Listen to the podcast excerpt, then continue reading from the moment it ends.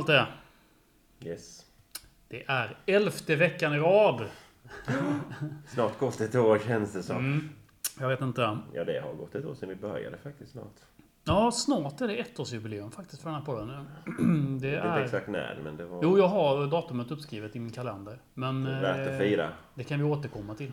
Ja, om någon, någon bryr sig. Kanske bara vi som bryr oss. Ja, det trodde jag i alla fall inte att vi skulle hålla på i ett år när vi startade den här podden. Så det är roligt. Nej, ja, det är spännande tider. Det är det. Tycker jag. Du, vi har ett spännande avsnitt.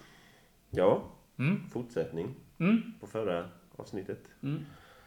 Det är alltså del två här då egentligen om eh, sagan om eh, Svensson-familjen. Får man ju börja kalla den nästan. Mm. Ja, tycker jag. Så att eh, den här gången kommer det då handla om Tommy Svensson. Och jag gjorde en intervju med honom här i veckan. Den är 45 minuter lång. Så det finns mycket att ta av där kan man ju säga. Men jag tycker vi rullar den direkt. Och sen har vi lite kommentarer Kör efter. på. Ja, det är Tommy. Tjena Tommy, det här var Andreas från Radio 1930. Ja, hej. Tjena! Har du, har du tid nu? Ja, jag är redo. Mm. Vad fint. Du, eh, förra veckan så pratade vi ju lite om Stig och, och denna veckan tänkte vi skulle då fokusera på, på din eh, karriär. mm. Med fokus på Öster då. ja. Eh, jag har försökt att läsa på lite här innan och det, man kan ju... Man skulle kunna ägna de här eh, minuterna åt att eh, men, prata om... Alltså det finns, du har gjort jättemycket i din, i, i din karriär helt enkelt. Och det, det finns så mycket att prata om. Vi ska försöka täcka det mesta här. Mm. Eh, men du, i din uppväxt, hade du, hade du något annat val än att bli fotbollsspelare? ja det, det, var, det var inget val. Det var naturligt för min del. Jag var eh, väldigt intresserad utav idrott och, och bollspel framför allt. Eh, Så att eh, det var det roligaste jag visste. Så att det, det, det var ingen tvekan. Va- Var kom det ifrån tror du? Det vet jag inte. Det, dels hade jag, hade ju stor talang naturligtvis också men sen eh, var det ju klart eh, underlättade då att eh, farsan hade det engagemanget i Öster som han hade och att jag var uppvuxen med och, och, och hängde med honom på träningar och matcher ifrån väldigt tidig ålder. Så att eh, Mm. intresset kom ju därifrån. Du, spelar du någon annan sport än fotboll eller? Och då Mm. spelade eh, alla sorters bollspel, både iso- ishockey och bandy och handboll. Och, och, men jag, jag var ju faktiskt med i eh, högsta serien med Öster i det året de var uppe i allra högsta serien med ishockey. Ja, just det. Och Jag Precis. spelade, de, jag spelade två år i sträck i eh, TV-pucken. Mhm. Så att eh, is, ishockey var ju nästan lika stort intresse för min del som fotboll. Det börjar med. Okej, men hur kom det sig att det blev fotbollen då? Ja, jag hade väl, eh, jag hade väl större eh, intresse av fotbollen och, Mm. och var väl li, lite bättre i fotboll också kanske. Mm. Men det, det var fotboll som var det stora intresset. Mm. Eh, vi pratade lite om, eh, om där du växte upp. Med Kvarnharpsparken och, och, och den biten. Hur, hur var det området när du växte upp? Det, det ryktas ju om att det fanns en dansbana och någon scen och sådär. Sjuk- Ja, dansbanan det, det, var, det var före min tid. Mm. Utan när, när jag eh, växte upp eh, så var det en damm. Mm. Så på vintrarna var det is, så att vi, vi eh, åkte ju skridskor och spelade ishockey där nere på den lilla dammen då. Mm. Det var precis nedanför där vi hade huset. Mm. Så att där var man ju hela vintrarna. Mm. Det, det var ju så, säsongerna gick ju inte i varandra som de gör nu utan Nej. fotbollen började i, i april kanske och höll på till oktober. Och sen började hockeyn i november och höll på till mars. Så att det, det, det gjorde ju att man kunde eh, hålla på med bägge idrotterna. Mm. Du, hur såg en vanlig vad ska säga, familjekväll ut, ut för er? Du vet, i, i, om vi säger förra helgen så samlades många familjer runt Melodifestivalen du vet, och tittade på TV. Hur, så, hur såg det ut eh, hos er? Ja, Vi hade ju, det var ju ingen tv på den tiden Nej. när jag, när jag växte upp. Utan, utan eh, det var ju radion. Mm. Man, man satt eh, framför radion på, på, på eh, lördagskvällen kanske så var det någon, gick det någon kriminalserie på radio som, som man lyssnade på. Mm. Annars så... eh, Ja, vi, vi, spelade kort och man umgicks på ett annat sätt. Det blev kanske också naturligt att man eh, höll på med idrott. Alltså, inte i organiserad form utan som lek också då, tänker jag. Ja, ja, ja, ja nej, det var ju spontan eh, idrott på många sätt. Alltså man eh, lirade boll ute på gatan eller eh, man höll på med en, eh, När jag var en liten grabb och man kom hem från skolan så var det ju eh, några mackor och ett glas mjölk och sen var man ute och spelade fotboll Mm. tills, tills det blev mörkt. Mm.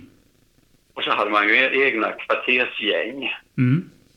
Vi hade ju uppe, uppe på Öster, det fanns ju flera olika små gäng där man bildade gäng själva då och Mm. Ordnade serier och, och, och sånt där allt själva och så cyklade man till söder eller upp till Ulriksberg och så där så mötte man andra kvartersgäng. Hur funkade det? Alltså, vadå, hur... Den här tiden före internet, hur, hur organiserade ni det? Cyklade ni runt och frågade folk, eller? Ja, nej men eh, man kom ju överens där då och sen uh, hjälpte man sig åt och, och, och göra upp eh, serier och, och ordna matcher och man hade tabeller och sånt där och det gjorde man ju själva. Mm. Det låter otroligt roligt faktiskt. Ja, det var, det, det var faktiskt jäkligt roligt. Det låter som att du har en väldigt idyllisk uppväxt. Ja, när man tänker tillbaka på det så, var det ju egentligen det. Det var bekymmersfritt. Ja, Man hade, man hade inga mobiler eller datorer eller tv eller någonting sånt utan man hittade på grejer själva. ja, det gick det med då, vet du. Mm. Man behöver, man behöver ingen iPad. Nej, man behöver inte det egentligen. Så är det. Eh, du, berätta lite om din eh, karriär då i, i Öster. Du, jag vet inte hur det funkade på den här tiden, men i, idag är allt så organiserat med J-lag, du vet, och pojkar hit och dit. Men när började du liksom i, i Östers organisation att spela? Jag var väl, eh, jag tror jag var en nio, nio år när jag kom med i pojk- pojklaget. började ju inte förrän jag var 12 år på Mm. den tiden. Mm. Men jag, men jag fick vara med eh, fast jag bara var nio år. Så jag var med de som var tre år äldre än jag. Mm. Eh, och sen eh, gick man ju då, det var pojklag 2 och det blev pojklag 1. Och sen eh, blev det juniorlag. Och sen eh, kom jag ju med i A-laget. Jag debuterade i A-laget som 16-åring. Mm. Du, vi ska backa bandet här bara. Eh, det finns någon, ehm, någon historia om att du, du går in som 11-åring i något lag och dundrar in åtta mål i en match. Stämmer det? Ja, det var, det var ju en pojklagsmatch. Mm. Det, det stämmer nog faktiskt. Mm. Ehm, och sen då, en sak jag undrar lite här då. Du debuterar som 16-åring, eh, som du säger då. Det är sex, du ska säga, vilket år är det? Det är 1961 det är i, i kvalet till Allsvenskan. Mm, just det första kvalet som Öster hade då. Hur minns du den här diskussionen? För den, den, den diskussionen är ju oundviklig när man är då son till den starke mannen i klubben och så, så är man eh, naturligtvis väldigt duktig men att man då får spela som 16 Fanns det någon sån diskussion liksom, du vet, någon form av nepotismdiskussion? Ja, det gjorde det säkert. Ja. Mi- Minns du, Eh. någon, minns du någon utav, eller minns du det överhuvudtaget eller? Ja, jag, jag minns väl lite grann att det, det fanns en, en del avundsjuka Mm. runt omkring sådär, men eh, inte, inte så att, eh, att det påverkade mig på något sätt. eh, eh, jag kom ju med i som 17 år, sen året därpå var jag ju ordinarie och då eh, kom jag ju med i juniorlandslag eh, Mm. Mm. där också så att eh, den eh, det försvann väl den där eh, den där eh, kritiken eller vad det nu var för något. Ja, alltså jag tror att... Mm, eller jag vet inte, men det känns bara att det är oundvikligt liksom. Hur duktig man än Ja. är så, så Jo, nej men så är det ju. Det, Mm. det är ju allting. Jag, jag- upplevde ju det småningom själv då när jag tog ut eh, min, min systerson Jocke Björklund i landslaget. det var ju Ja, också. Mm. den här första gångerna, det var ju också lite sådär... kritik också. Men, Just det. Mm. Just det. så det hör, det hör nog till. Mm, ja, det, det har nog till, ja precis. Men du, eh, eh, precis som du säger, du blir alltså ordinarie i eh, A-laget då eh, som 17-åring. Ja. Hur skulle du beskriva dig själv som spelare? ja. Teknisk eh, och och bra spelsinne var väl eh, främst bara bra speluppfattning. Var du en... Eh, Ja, och sen, eh, jag jobbade väldigt hårt också. Jag tränade mycket. Jag, jag tror att jag tränade nog fler, mer än de flesta på den tiden. Hur tränar du då? Alltså löpning, styrka eller? Ja, jag tränade ju extra själv också och Mm. eh, styrka och sådär. Jag var ju till att börja med rätt, rätt liten och, Mm. och, och, och nästan lite klen kanske, men jag jobbade ju med att jobba upp fysiken också genom åren. Mm. Du, vad skulle du berätta om... Alltså, hur, hur var liksom stämningen i stan? Eh, du vet, eh, runt de här kvalmatcherna och första åren i Allsvenskan. Hur, hur märktes det liksom att Öster var... Ja, men heta? Ja, men det var, det var ett väldigt stort intresse kring Östra i, i hela stan och, och runt omkring stan också. Det, det märktes ju eh, att eh, alla visste vilka Österspelarna var. Och, det, det var stor uppslutning. Jag tror att eh, både vi själva men också folk runt omkring i Växjö eh, önskade att vi skulle kunna komma upp i Allsvenskan. Man hade ett stort sug efter det tror jag. Mm. Hur, hur var stämningen på läktaren? Alltså för oss som inte var med liksom. Hur skulle du beskriva den? Du har ju ändå sett många, många fotbollsmatcher genom åren. Hur var stämningen här på 60-talet liksom? Ja, det, det, det var ju hejaramsor och sånt där då. Det, det var ju inte några eh, bråk eller någonting sånt på den tiden utan det, det var hejaremsor. Vi hade ju då en, eh, en he- hejaklacksledare, det har kanske hört talas om Ambulans-Jonas, Mm. Mm. som eh, sprang med, med någon österflagga eller någon vimpel och sådär framför eh, läktarna och Mm. och liksom organiserade hejaklackar. Mm. Och det var, ju, det var ju väldigt mycket folk på den tiden också. Det är svårt att förstå idag hur mycket folk det var. Ja, det är väl liksom, vad är det? 26 000 i kvalet 67. Ja. Ja, och, och ge- genomsnittet i första året i Allsvenskan var det nästan 16 000 i, gen, i genomsnitt. Alltså, så att det, Ja, och då ska vi komma ihåg att då är det 68. Jag vet inte hur många som bodde i Växjö då, men betydligt, är betydligt så. mindre än idag i alla fall. de flesta kom ju runt ifrån eh, också. Man Mm. åkte ju från eh, Blekinge och från Kalmar och, och norra Skåne Mm. hit upp. Mm. Ja, det låter som en, eh, som en väldigt rolig tid liksom. Ja, det, det var en väldigt rolig tid. Det måste man ju säga. Ja. Vi pratade ju om SM-guldet och kvalet eh, i förra avsnittet där också, men... Eh, det här måste ju vara... Du spelar din livs fotboll här någonstans va? Du får Guldbollen 69. Ja, Hur, hur, eh, hur minns du att, liksom, mottagandet av att få, av att få Guldbollen? Ja det, det, var, eh, det var ju väldigt stort för min egen del naturligtvis eh, att få det. Det var det största man kan få. Men eh, det var ju inte... Det var ju inte sådana galor som det är idag, där det var någon prisutdelning och så, utan jag, jag fick ju den uh, bucklan fick jag inför en match här uppe på Värnsvallen då, innan vi avslutade serien.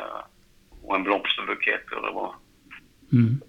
Rune Rydén som var kommunalråd då, eller Mm. ordförande i kommunen. Så. Dessutom en, en, en farbror till mig Mm. som, som delade ut eh, priset då. Mm. Så att, eh, själva det var väl inte så, så glamoröst kanske, men eh, utmärkelsen i sig var, var väldigt stor för min del. Vad sa farsan? Ja, han var nog vä- väldigt glad och stolt. Sen blir det ju VM 70. Ja, Där gör du ju också en eh, otroligt bra insats i turneringen om jag har förstått saken rätt. Eh, du blir utvald till den bästa spelaren i Sverige. Vad, vad minns du från, från det VMet? Ja, vi hade, tycker jag, ett av de eh, bättre landslagen som Sverige har haft faktiskt. Men det blev inte riktigt så bra som vi hade trott. Vi var ju väldigt nära att gå till kvartsfinal. Det skilde ett mål. I sista matchen mot eh, Uruguay vann vi med 1-0 och hade vi vunnit med 2-0 då så hade vi gått till kvartsfinal. Just det. Så att det var, var väldigt nära. Ja, för Uruguay. Uruguay går till semifinal va? Ja, och Italien som vann vår grupp gick ju till final. Ja, så att, eh, så vi var i en bra grupp. Ja.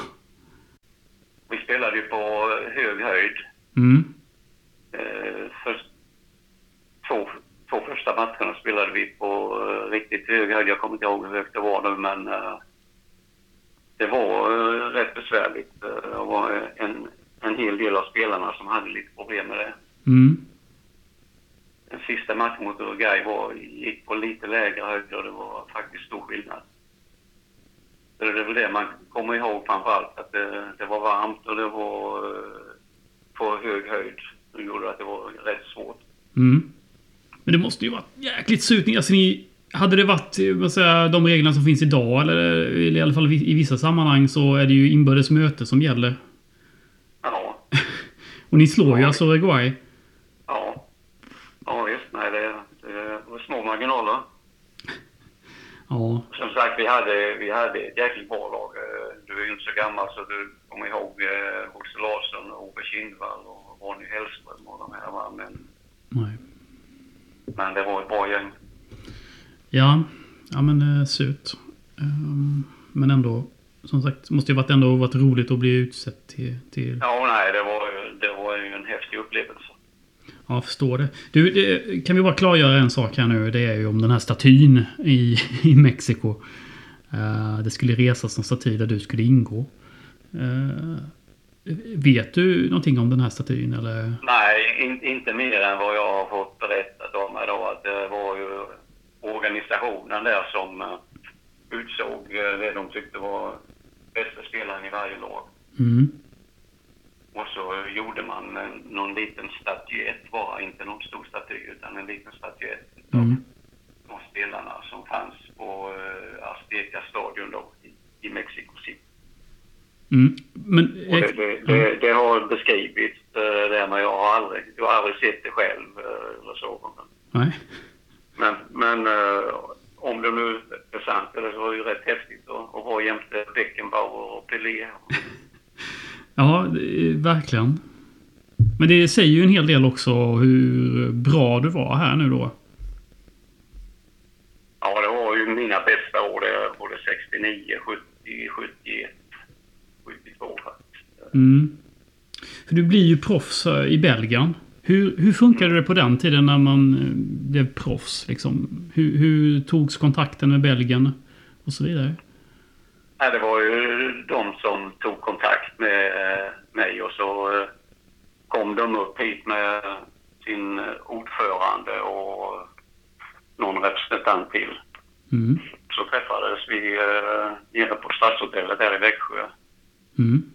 Det var farsan och jag och så, och så dem. Och sen hade vi en, en rådgivare då, en, en som var jurist som farsan kände från Åtvidaberg som var med och hjälpte oss lite grann. Mm. Men eh, fram till dess så hade klubbarna inte fått något eh, betalt för övergångarna. Nej. Men eh, där var ju farsan då envis så att eh, Öster fick eh, på den tiden eh, ganska bra betalt för att, att jag skulle bli proffs. Ja, Okej, så det Stig så till så att du eh, liksom blev eh, köpt? Ja, Ja, okej. hur var det, ska vi inte prata pengar så, men hur var det någon skillnad i lönekuvertet och, och bli proffs? och jämfört med hemma i Sverige så var det ju stor skillnad. Ja, Här vi, på den tiden så jobbade man ju heltid. ja just det. Och Du var lärare? Jag var lärare, jag var Mm. mellanstadielärare. Mm. Och, eh, sen hade vi någon, någon liten eh, ersättning från Öster, men det var ju inte, det var inte många kronor. Så att uh, proffset då, då eh, fick man ju dels en övergångssumma Mm. och sen fick man ju uh, betalt eh, där nere, månadslön och, och matchpremier och sånt. Så att eh, jämfört med Sverige så var det ju jättestor skillnad. Mm. Hur Även om det inte går att jämföra med dagens eh, summor förstås. Nej, nej de, det är ju fantasisummor i många delar idag ju. Men eh, hur var det att vara där nere i Belgien? Ja, du är ju liksom då eh, född och uppväxt i Växjö, spelat i Öster hela ditt liv och sen så blev det ett proffsäventyr. Nej, det, det var ju ett, ett äventyr. Vi visste inte riktigt eh, vad vi gav oss in på men eh, vi var ju den delen i, i Belgien där de talar franska. Mm. Jag hade läst eh, lite franska på gymnasiet, så jag hade lite grundkunskaper. Men sen eh, läste jag ju då eh, in eh, akademisk kurser via Hermods. Eh, Mm. så att jag pluggade där nere också och läste böcker och så där, så jag lärde mig franska också. Eh, Mm. det var ju... Dels är det, är det ju väldigt viktigt förstås att bli accepterad i laget där nere och lättare att göra sig förstådd och så. Mm. Vi trivdes eh, jättebra där nere. Det var ett eh, härligt gäng och jag har faktiskt eh, fortfarande kontakt med några utav spelarna där nere som jag spelade ihop med då på, via Facebook. Mm. Mm. Ja, vad, vad kul. Hur gick det? Alltså, det, det, var, det var en, en härlig tid. Alltså, då eh, hade man ju inget annat än fotboll. Utan man Ja, var, det. vi, vi tränade ju naturligtvis mer än man gjorde i Sverige. Men Mm. man hade ju mycket mer fritid också. Mm.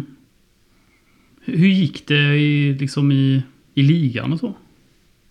Ja, vi, vi spelade två cupfinaler Mm. och eh, jag var ju där två år bara. Mm. Och eh, kom tvåa i, i serien. Vi vann, vi vann inte serien tyvärr och, och Mm. vann inte cupen heller men vi var i final bägge åren. Mm. Ja, men det, det gick väl väldigt bra då också kan man väl säga. Ja, det får man säga. Ja. Ja. Och sen bestämmer du för att flytta hem och det är ju på grund av din mor går bort. Mm. eh, Som vi pratade om i förra avsnittet. Eh, Och då spelar du i Öster mellan 73 och 77 va? Ja, och jag, jag började ju som lärare igen då Ja, just det. Och jobbade heltid eh, den tiden också. Och spelade fram till och med 77 och sista höstmatchen där så slet jag av hälsenan. Mm. Och då eh, la jag av. Jag var 32 år då. Mm. Eh, Hur, varför kände du att det var dags att lägga av? Är det liksom... Nej, det, tog, det tog så lång tid. Eh, den här scenen, det tog eh, nästan åtta månader innan jag eh, hade kunnat börja spela igen. Och då, då tyckte jag att det var, var lika bra att sluta. Mm. Du, eh, du, du går över och blir lagledare. Ja, man kallar det lagledare. Det är Ja. motsvarande eh, sportchef idag. Eller, Just det. men men jag hade ju hand om ganska mycket då. eh, Och dessutom var jag med på varenda träning. Mm. och hjälpte till med, med olika träningsövningar och sånt där. Och, och var med eh, och diskuterade med tränarna upplägg och, och, och laguttagningar och sånt där också. Så att jag var ganska mycket involverad. Ja, just det. Precis va. För det är ju egentligen den frågan man har. Alltså vad, jo, vad gjorde du konkret? Du var, det känns som att du var eh, allt kring det sportsliga. Ja, det kan man nästan säga. Ja. Eh, För det går ju väldigt, väldigt bra här eh, när du tar över som lagledare kan vi ju säga. Det, det är ju nu storhetstiden börjar på riktigt. Ja, det var ju en fantastisk period då. Alltså, Mm. tre, tre guld på fyra år. eh, Och, sen var vi i final också i Mm. femte år där. Alltså, det, Mm. Den tiden var ju Öster klart dominant i, i Sverige så att det var ju en fantastisk period.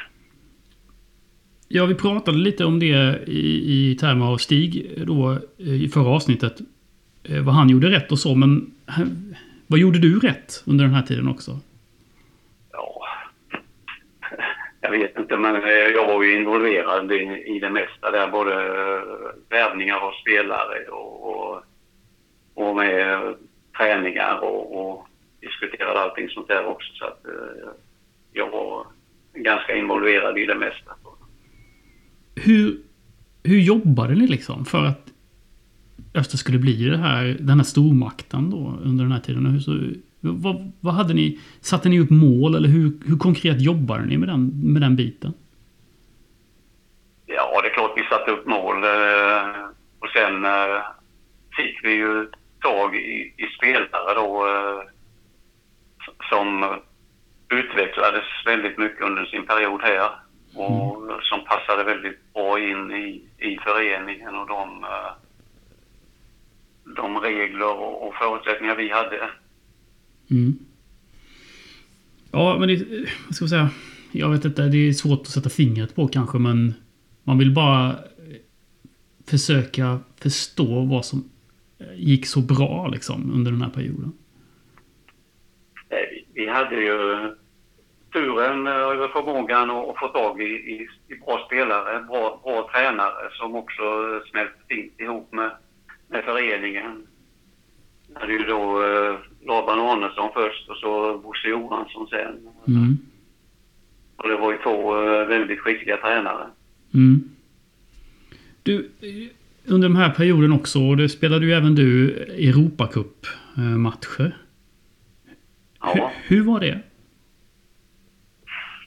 ja det var, var ju stora upplevelser. Eh, inte, inte minst eh, den sista perioden där då när vi mötte eh, storlag som Bayern München och, och ja, det var ju Nottingham också. Det var ja, det hade Barcelona, men då var jag ju med och spelade själv Mm. också. Mm. Men det var ju, var ju europeiska storheter som kom hit och spelade tävlingsmatcher i- på. Och att Öst, Öster till exempel, som, som vi gjorde då, spelade tävlingsmatch borta på, mot Bayern München eller borta mot eh, Barcelona. Det, det, det är ju naturligtvis höjdpunkter i Östers historia. Hur, hur, hur gick ni in i de här matcherna? Alltså, gick ni in med inställningen att ja, men det här kan vi nog ta liksom? Absolut. Mm. Eh, Det, det gjorde vi även om det var fantastiska motstånd. Eh, Jag vet när, när vi skulle möta Bayern München så åkte Bosse Johansson och jag ner till, till uh, München och Mm. tittade på någon seriematch där för att liksom kartlägga uh, motståndet. Mm. Det var ju inte så att man hade videofilmer och sånt där som man har idag eller dataprogram och så utan vi var ju och tittade live på det. Så att vi förberedde oss eh, så noga vi kunde för att vi skulle kunna göra så bra resultat som möjligt. Mm.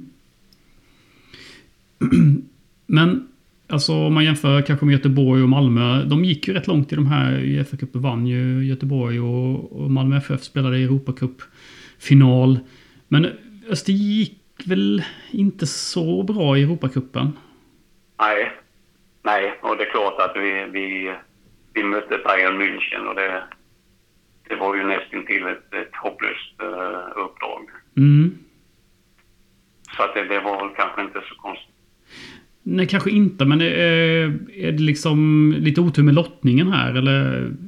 Ja, det, dels det och sen eh, det är klart. eh, det var ju några stormakter på den tiden då som Barcelona och, och Bayern München eh, som var ju svåra. Sen hade vi ju några andra matcher som vi kanske borde kunna klara av men eh, vi var inte riktigt i den klassen. Det var lite, lite större skillnad kanske mellan eh, de bästa i Europa då och ett svenskt topplag då. Mm. Ja, spännande tider måste det varit i alla fall. Ja, Du, eh, om jag har förstått det hela rätt så slutade du som lagledare 1984. eh, ja det stämmer. Eh, varför det? Nej, jag jobbar ju fortfarande heltid eh, som lärare. Mm. Och det här, eh, ja, sist, sista året eh, gick jag ner till halvtid eh, och var halvtidsanställd av Öster också. Men eh, det tog så jäkla mycket tid alltså så att eh, det blev för mycket helt enkelt. Och Mm. då var jag tvungen att liksom bestämma mig om jag skulle göra det ena eller det andra. Så att, det var därför jag hoppade av Öster. Mm. Det blev, det blev för mycket jobb. Ja, okej. Eh, du är tränare i Alvesta under den här tiden? Alvesta Goif? Ja, det, det var ju då alltså... eh, hade funderingar på hur, vad jag skulle göra. Om jag, Mm. om jag skulle bara fortsätta att vara lärare eller jag skulle hålla på lite med fotbollen. Och så tänkte jag då att jag kan väl göra som många andra gamla avdankade fotbollsspelare. Jag kan väl bli tränare Mhm. också. Så att, att jag eh, fick en förfrågan från Alvesta då och Bengt Klang som var där ute som jag kände också. Som farsan kände väl också från Mm. Smålands fotbollsförbund. Och, Mm. och jag, jag tänkte jag kan väl testa Mm. och, och prova på. Och jag var där i, i två år i gamla division 3 var ju det då. Mm. Motsvarande division 2 idag kanske. Mm. Och det kände att det, var ganska roligt att hålla på som tränare men eh, jag jobbade ju fortfarande heltid som lärare och det, och det tog fortfarande jäkligt mycket tid alltså så att, eh, att eh, det blev för mycket. Och då Mm. tänkte jag att jag måste bestämma antingen och jag koncentrerar mig på lärarjobbet eller så så får jag kanske försöka utbilda mig och bli tränare på riktigt. Mm. Jag gick, jag gick ju lite tränarkurser där under tiden också. Mm. Och sen av en tillfällighet så fick jag en förfrågan då från Tromsö i Norge. Mm. Liksom som blev, eh, kan man säga, vändpunkten. Att jag, hoppade på det, att jag, att jag och familjen vågade göra det. Liksom. Det var ju ett jättestort steg. Ja, nu kommer Ett, ett gäng läng, längst upp eh, i norra Norge. Ja. Alltså, det var ju, var ju 45 mil norr om Kiruna. Alltså, man fatt- fattar inte hur långt ut det var, eller långt. Men, ja, vi såg det som ett äventyr och, och det var ett gäng som hade kommit upp i högsta serien första gången. Där, Mm. och, skrev ju ett tvåårskontrakt och, och det gick jättebra där uppe och då, jag förlängde så vi stannade där i tre år och Mm. hade en fantastisk tid alltså, både jag och familjen. Mm. Och det var, ju, det var ju det som gjorde att jag fick chansen med landslaget sen också.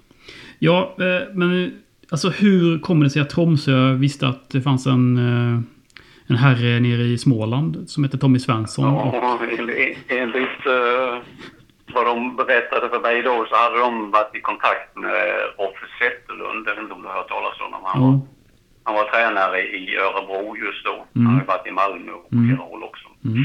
Men eh, då hade han rekommenderat mig till dem. Av Mhm. någon anledning. De hade varit intresserade av honom tidigare. Mm. Och då hade, då hade han rekommenderat mig. Och, och varför, det, det vet jag faktiskt inte. Ja, det, det, det är ju... var mycket, mycket, mycket tillfälligheter. ja, det är ju otroligt intressant va? Eh, för att eh, då att Rolf Zetterlund rekommenderar dig eh, till ett jobb som blir väldigt framgångsrikt och som leder till kanske den mest framgångsrika eh, förbundskaptens eran vi har haft. Eh, Ja, det, är- det är mycket tillfälligheter. ja, det, det är otroligt intressant va? Eh, för ja, det går bra i Tromsö. Vad, vad slutar ni som nykomlingar där? Vad, eller vad, hur gick Ja, det? vi, vi, det var ju liksom eh, tongångarna i fotbollsnorge var ju då att där Tromsö-laget långt där uppe, de skulle inte ha en chans liksom. Eh, Nej. Det fanns ju inga förutsättningar. När- Närmaste motståndare vi hade var nere i Trondheim och Rosenborg. Då hade vi 115 mil enkel resa. Så att det, det, det var tuffa förhållanden. Men vi blev femma första året Mm. och andra året blev vi trea. Och sista året jag var där så slogs vi om guldet in i sista omgången. Mm. Vi blev tvåa då. Mm. Så att det var en otroligt framgångsrik eh, period för ett, ett lag lite så långt norrut. Det är Mm. faktiskt världens modigaste elitlag. Ja. Det är otroligt liksom. Det går otroligt bra helt enkelt. Ja, Och då ringer Svenska fotbollsförbundet. ja det var ju efter, efter Italien-VM 1990 då när, när det inte gick så bra för Sverige då. Alltså. Nej. Då skulle de, hade, bestämde de sig för att vara ny och då ringde Lars-Åke Lagrell. Mm. Hur kändes det att få ta emot det samtalet? Ja, det, hade, det hade ju varit eh, vissa spekulationer. Jag vet för vi var nere med Tromsögänget i, i, eh, utanför Oslo spelade vi match i Strömsgodset eh, en lördagkväll där i slutet på juli. Mm.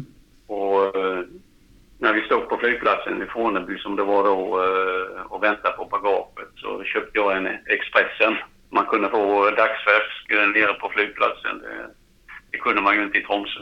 Och stod och läste i tidningen där och då på sportsidan så var det spekulationer om att, att de visste, Expressen visste vem som skulle bli ny förbundskapten. Mm.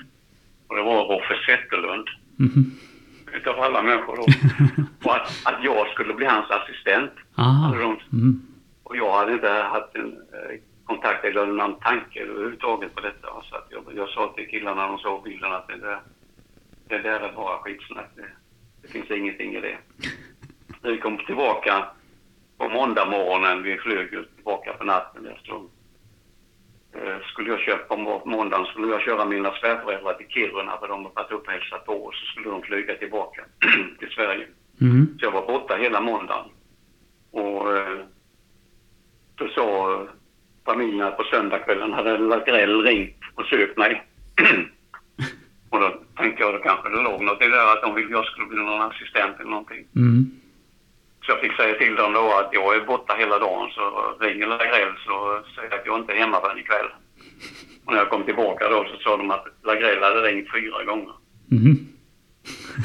Så då förstod jag ju att det var någonting på gång. Ja. Men så ri- ringde han då och så sa han då att eh, de ville att jag skulle bli förbundskapten. Mm. Och det var ju väldigt överraskande och han- han ville att jag skulle svara direkt. Ja, det kunde jag ju naturligtvis inte. Men då frågade han, kan jag, kan jag komma upp till dig? Mm. Ja, det kan du. Ja, det är bra. Vi har redan bokat flygresa, sa han. Så han kom upp på tisdagen på eftermiddagen där och efter någon eh, timmens diskussion där så skrev jag på kontrakt. Mm. Men det Så var... det var, snabb, det var väldigt snabba ryck. Ja, men det var... Var det, var det, var det verkligen någon tvekan egentligen? Ja, alltså det var ju ett jättestort steg. Jo. Eh, Jag tänkte då att eh, man måste ju våga. Det var ju, vågade ju när jag åkte till Tromsö. Liksom. Mm, det var ju ett precis. steg. Och, Mm. och så tänkte jag nu att om jag gör allt jag kan och lyssnar på dem som kan saker bättre än jag och, och verkligen förbereder mig så, så ska det upp pipan så får du väl göra det. Men den här chansen måste jag våga ta. Mm. Så att, eh, jag bestämde mig för det. Det gjorde du rätt i. Ehm, kan man ju lugnt konstatera. Du, Ja. det, det finns ju massa skrivet om 92 och 94 och hela den här perioden och, och sådär. Eh, så jag vet inte om vi ska gå in på det, för jag tror att, jag menar, eh, VM-kvartsfinalen 94 mot Rumänien skulle vi kunna prata om en timme tror jag, eh, enbart. Eh, men vad i din Österkarriär skulle du säga att du tog med dig som eh, i ditt uppdrag som förbundskapten? Ja, det, vet- jag inte. Det är svårt att svara på. Men, Mm. men eh, att, att försöka skapa en stämning Mm. i gänget där, där man... eh, där alla känner trygghet Mm. och, och samtidigt eh, frihet. Mm. Alltså veta att, att man har rätt att, att misslyckas och man har rätt att försöka. Bara man verkligen vill och alltid gör sitt bästa Mm. Att uppmuntra till att ta egna initiativ och sånt där. Det, det var liksom, eh, har varit en grundprincip för mig och det, det hade jag med mig tror jag. Mm. Det, är det det vi pratade om i förra avsnittet? Det här med att skapa, som Stig gärna ville också, skapa den här familjära stämningen. Ja, det var lite av den biten också. Liksom att, Mm. eh, att, att skapa en stämning och, och att eh, det, det känns så här långt efteråt. Vi, har, vi, vi- spelade ju en massa matcher efter vi hade slutat också, sådana uppvisningsmatcher. Då Mm. hade vi ju familjer och barn och sånt med också. Det kändes som att vi var en, en, en stor familj. Mm. Och vi har ju kontakter, många av oss fortfarande, med varandra. Mm. Och, och så där, så att det, det kändes som att, att vi skapade något eh, gemensamt. Mm. Du, hur känns det att sitta i, säga, i din fåtölj eller soffa och, och tänka att du tog, tog dig från lilla öster till att bli en av världens främsta fotbollstränare? Nej, jag, jag tänker inte på, på det sättet, men eh, jag är väldigt glad och tacksam om att jag, att jag har fått uppleva detta. Och ibland eh, kan jag nästan tänka, eh, har jag verkligen gjort detta? Har jag varit med om detta? Mm. Ja, det är ju det är ofattbart stort va? Det är EM-brons och det är VM-brons. Ja, det var ju en, en fantastiskt härlig period. Ja, jag förstår det. Eh, eh, Tommy, vi, vi har eh, lite lyssnarfrågor. Ja, Eh, vi brukar försöka få in våra lyssnare då som får ställa lite frågor också. Så det kommer lite frågor.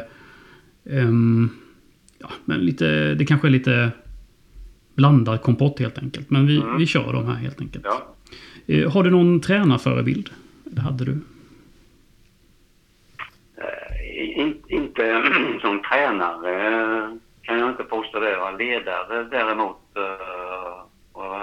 jag hade ju Orvar Bergmark som förbundskapten när jag spelade. Mm. Och, och det var någon som jag såg upp till. han var ju en jätteduktig, fantastiskt duktig fotbollsspelare men också en stor ledare då som uh, ingav respekt. eh. Mm. Så det, det var väl en förebild för min del. Mm. Eh, apropå tränare då. Vem anser du har varit den mest betydelsefulla tränaren Öster har haft? Det, det är jät- jättesvårt att säga. Jag har haft väldigt många bra tränare men eh, för min egen del eh, i den viktiga perioden med Öster gick upp i Allsvenskan där, så är det ju Vilmos Vaseki Mm.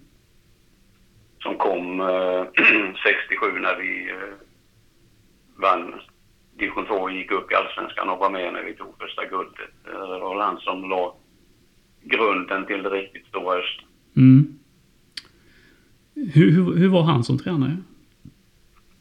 Han var eh, hård och bestämd men eh, samtidigt med glimten i ögat. Eh, och också med i det här som man skapade en, en familjegemenskap.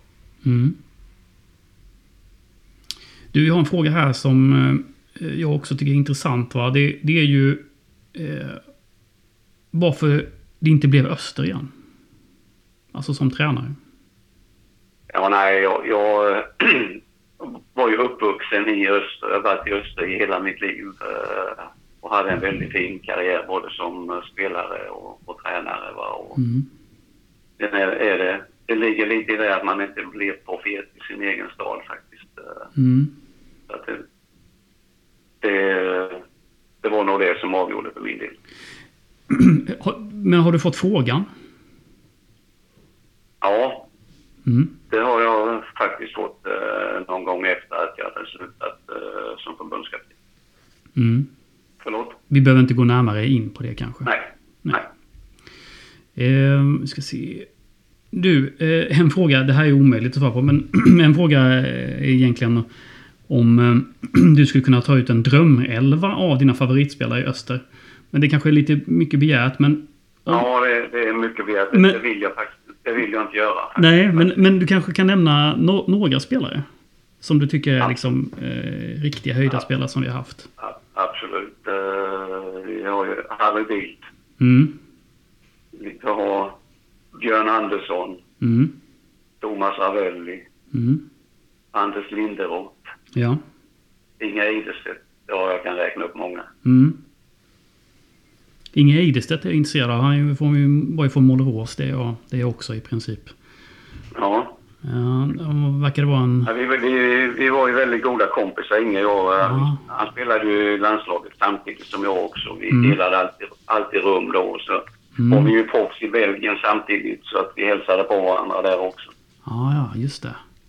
Ja, jag, jag skulle ju sagt Lilldamma också förstår naturligtvis. Lilldammar. Lilldamma, ja. Mm. Eh, Det, det är ju faktiskt den, eh, tycker jag, den absolut bästa målskytt som har funnits i Allsvenskan. Ja, ja, det är det. Eh, Om du får titta i din spåkula, det är också uppdrag omöjligt. Men eh, hur ser det ut för framtiden tycker du för Östers IF? Jag, jag tycker att det börjar ljusna Mm. mer och mer. har de, som det verkar, ordning på ekonomin. Mm. verkar få bra ledning och eh, börja få fram en del egna spelare också. Mm. Så att, eh, jag, jag hoppas och, och, och tror faktiskt också att eh, inom ett par år så eh, kan Öster vara tillbaka i Allsvenskan. Mm. Hur mycket följer du Öster idag? Ja, väldigt, väldigt noggrant eh, när, när jag är hemma här och, och inte som i år som jag inte kunnat se matcher. Men annars så ser jag ju alla matcher när jag är hemma i Växjö. Mm. Och följer dem noggrant annars också. Mm. Mm. Eh, du, vi har det här också som vi kallar för snabbfrågor som vi tog med Stig eh, eh, förra veckan. Det vill jag gärna ta med dig också. Eh, favoritmat? Eh, det är nog... Ja, det är, det är massa egentligen. Ärtsoppa och pannkakor. Mm. Favoritdryck? Eh, ett- glas gott rött vin. Mm. Du, du gillar att resa vet jag. Mm. Favoritresmål då? Svårt.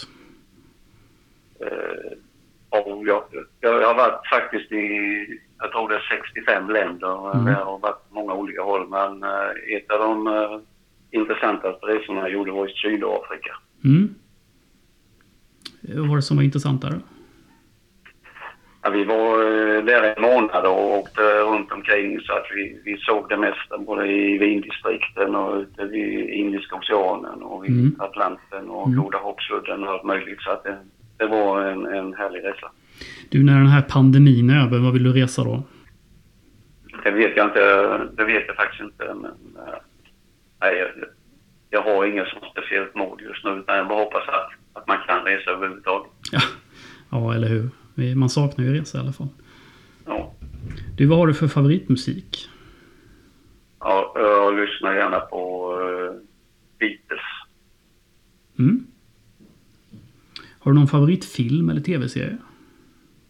Nej, det har jag faktiskt inte. eh, Inte som jag kan komma på nu, tyvärr. Nej. Eh, har du något favoritlag då, förutom Öster? Nej, det kan jag inte påstå. Eh, Det har varit lite olika i olika perioder. Jag, jag, jag gillade liv, gamla Liverpool eh, ganska mycket. Mm. Mm. Så är det gamla Liverpool? Ja, de här gamla vännerna som inte du har hört talas om, Kenny Dalglish och, Mhm. och vad de heter allihopa. Då, Mm. då hade de fina gäng. Mm. Ja, men Liverpool kan vi väl ändå tillstå då. Ja, då, absolut. Mm. Du, ett stort tack Tommy eh, för detta. Eh, Det har varit jättetrevligt att snacka med dig. Ja, Tack. Eh, ja tack då. ha det gott du. Ja, hej. Hej då. Har du Malte? Ja. Det, det, är så, det är så mycket att prata om i hans Ja, det kommer, kommer bli nästan skriva anteckningar för att komma ihåg vad han tar upp. Egentligen. Då kan jag lova dig att jag missar jättemycket. Ja, det kändes som att det kunde vara 45 plus 45. Vi kunde gjort en hel match. Ja, men jag, jag, sa, jag sa ju det till honom i där intervjun att eh, vi kan nog bara spendera en timme och prata om eh, kvartsfinalen i VM 94. Förmodligen hade det ju gått skitbra. Mm. Alltså, men det som du säger att det har gjorts 50-11 gånger. Ja, jag, tänk, redan, så att det var väl bra bortprioriterat. ja, jag tänker det också. Tänker jag. Att vi hade Österfokus här istället. Ja, det är en spännande karriär. Ja, men det får man nog lov att säga det. Det är ju otroligt imponerande att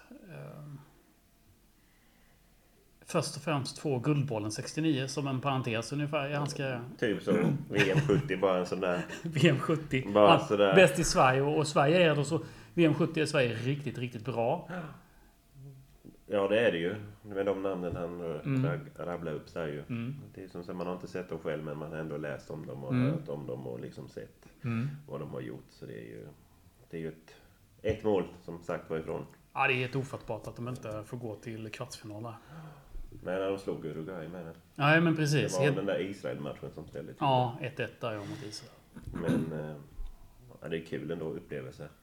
Mm. Pelé och Müller och allt vad de hette som han fick spela mot. Ja. Eller med. Eller bara på samma ställe, tänker Ja. jag. Och Mexiko med. På hög höjd och... Mm. Så det är en upplevelse. Ja, precis. Och tiden i öster var ju också spännande. Ja, men det är klart. Det måste ju varit fantastiskt där att vara med när de går upp första gången då, 67, och sen vinna SM-guld 68. Och de första åren i Allsvenskan nu. Och det han säger där med publiksnittet där. Ja, 26 papp eller vad var det? Är ju 16 000, eller var det 16 000 var det va? Ja. I snitt, eller 12 000 Och så i snitt. 26 var det max. Ja, precis. Så. Ja, 16 i snitt är ju helt okej. Kom ifrån Kalmar och norra Skåne och Blekinge och Ja. det var verkligen mer än bygdens lag. Mm. Det var typ södra Sveriges lag. Ja. Bortsett från Malmö och dem då. Ja, det kändes som att det var... eh, Malmö och ja, Öster typ. Ja, I alla fall vid den tidpunkten. den tidpunkten var det väl det. Mm. Det var väl då de var rivaler, Malmö och Mm, Öster. mm. Det är många äldre Malmö-supportrar Mm. som inte gillar Öster fortfarande. Mm, så är det. Någonting du tänkte på specifikt i den här intervjun? Men det, var som, det var så mycket. Ändå, han är ju så ödmjuk, återigen. Mm. Det är ju så ödmjukt så att det finns ju bara inte. Men visst, det är ju kul med hans proffsår. Alltså så. Ja, Och likadant eh, tränartiden i Tromsö. ja det, det kände inte jag Det, till det mycket kände jag inte heller. Det är som säger att det var verkligen... Ja, ingenstans. Just att han fick det uppdraget från ingenstans. Precis. Av, Roffe eh, Zetterlund ja. i stort sett som fixade detta. Ja, Så hade det inte varit för Roffe Zetterlund hade det inte blivit EM och VM-brons. nej, Känns ju så. nej precis. Eh, Så vi får tacka honom för det. Nej, det är en galen resa. Och att ta familjen och flytta dit som han säger. Ja. Det är liksom, vad var det, 40 mil norr om Kiruna? Mm. Eller vad det var. Mm. Det är helt galet. Att, och så på den tiden med. Alltså det var ju inte dagens moderna transporter så på det Mm. sättet. Utan.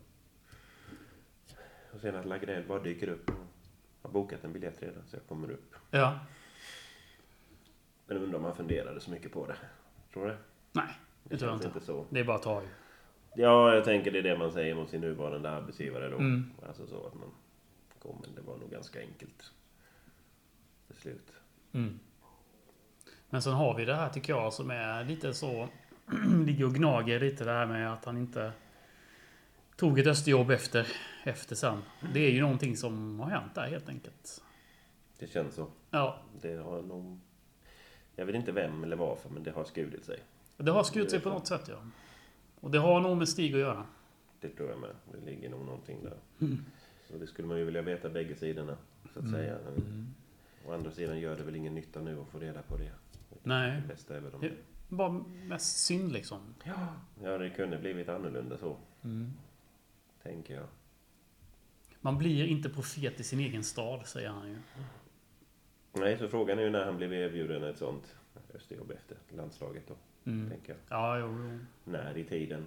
Ja, det här- det måste ha hänt mer än en gång känns som. Ja, Öster hade ju en tränare om året typ från 96 och framåt. Så att jag tänker att någon gång där omkring var det säkert en förfrågan han fick. Mm. Och sen kanske inte...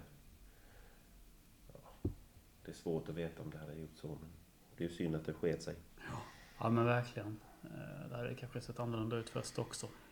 Så är det ju. Men han är positiv för framtiden med ekonomi och, Ja. och egna talanger. Och, Jag pratade med honom för, det var många år sedan, jag tror det var när vi skrev för Svenska fans, så gjorde jag en intervju med honom också. Om eh, framtiden och sådär. Och då tyckte jag han lät mycket mer pessimistisk kring Östers framtid. Eh, så det var kul att höra hans optimism. jag får hoppas att han får komma tillbaka och se Öster snart live. Ja, verkligen. Alltså så, det, är ju, det är ju drömmen. Det är drömmen. Men eh, det är ett stycke idrottshistoria ändå. Det är en stycke idrottshistoria. Som eh, både Stig och Tommy tänker Ja. jag. Alltså det är kärt för många Östersupportrar såklart. Men det är ju en, även fotbollsmässigt intressant. Tänker Ja, jag. ja, ja, för visst. många andra. Visst är det de här berättelserna där. Och, och så.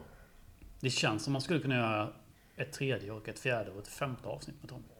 Det kan nog absolut. Man får nog avgränsa sig som du säger. Alltså, Ja. får låta stackaren vila nu ett tag. Ja, Då får vi se om det kommer på något annat. men, men tänk dig att sitta som han där, som han sitter i fåtöljen och pratar med, med mig där och, och, och bara reflektera kring allt han har gjort. Det måste ju vara fantastiskt. Alltså. Det är nog en upplevelse. Ja. Det är lite terapi för honom med. Ja, men det är ju helt underbart att prata om sådana minnen tänker jag. Ja, alltså det är fantastiskt. Det är ju helt galet när man hör det.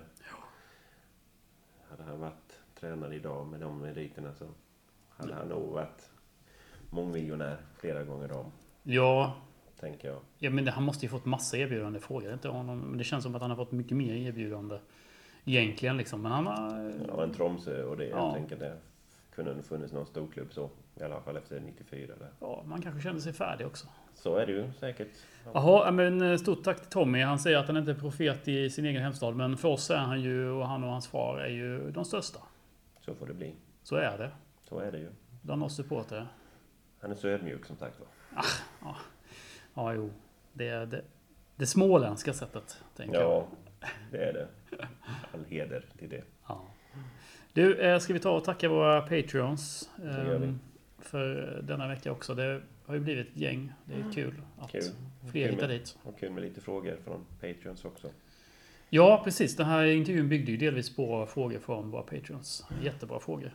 Absolut. Eh, Så det, Fortsätt komma med det och förslag. Ja, precis. Så får vi se om vi lyssnar eller Ja, eller om vi kan och hinner. och Och... hinner och så såklart. Men tips mottages ju Mm. såklart. Vi har ju lagt några extra intervjuer där uppe på vår Patreon-kanal också. eh, Med bland annat eh, senaste är med ungdomstränare eh, Rickard Penteus. U17-tränare. Som, eh, som, Spännande att följa om det finns några ja, i den åldern som är på väg uppåt. Eller så. ja, det ska bli kul att följa Se hur U-lagen. de Mm. står sig och de får chansen Mm, precis. där. Men det ska vi fortsätta med att lägga upp små intervjuer där på, på vår Patreon-kanal. Och eh, även tack till Pontus i Atlanta, Georgia som faktiskt eh, redigerar ljudet här på de här telefonintervjuerna som vi måste göra nu då. Eh, med, med Tommy. Så stort tack till dig Pontus. Bra jobbat. Bra jobbat ja.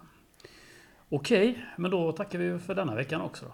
Det gör vi. Mm. Så får vi se om vi dyker upp igen. Ja, Det vet man aldrig. det vet man aldrig. Kanske sista avsnittet. Det vet man aldrig. Ja, det tror jag inte. Nej. Tack och puss! Tack.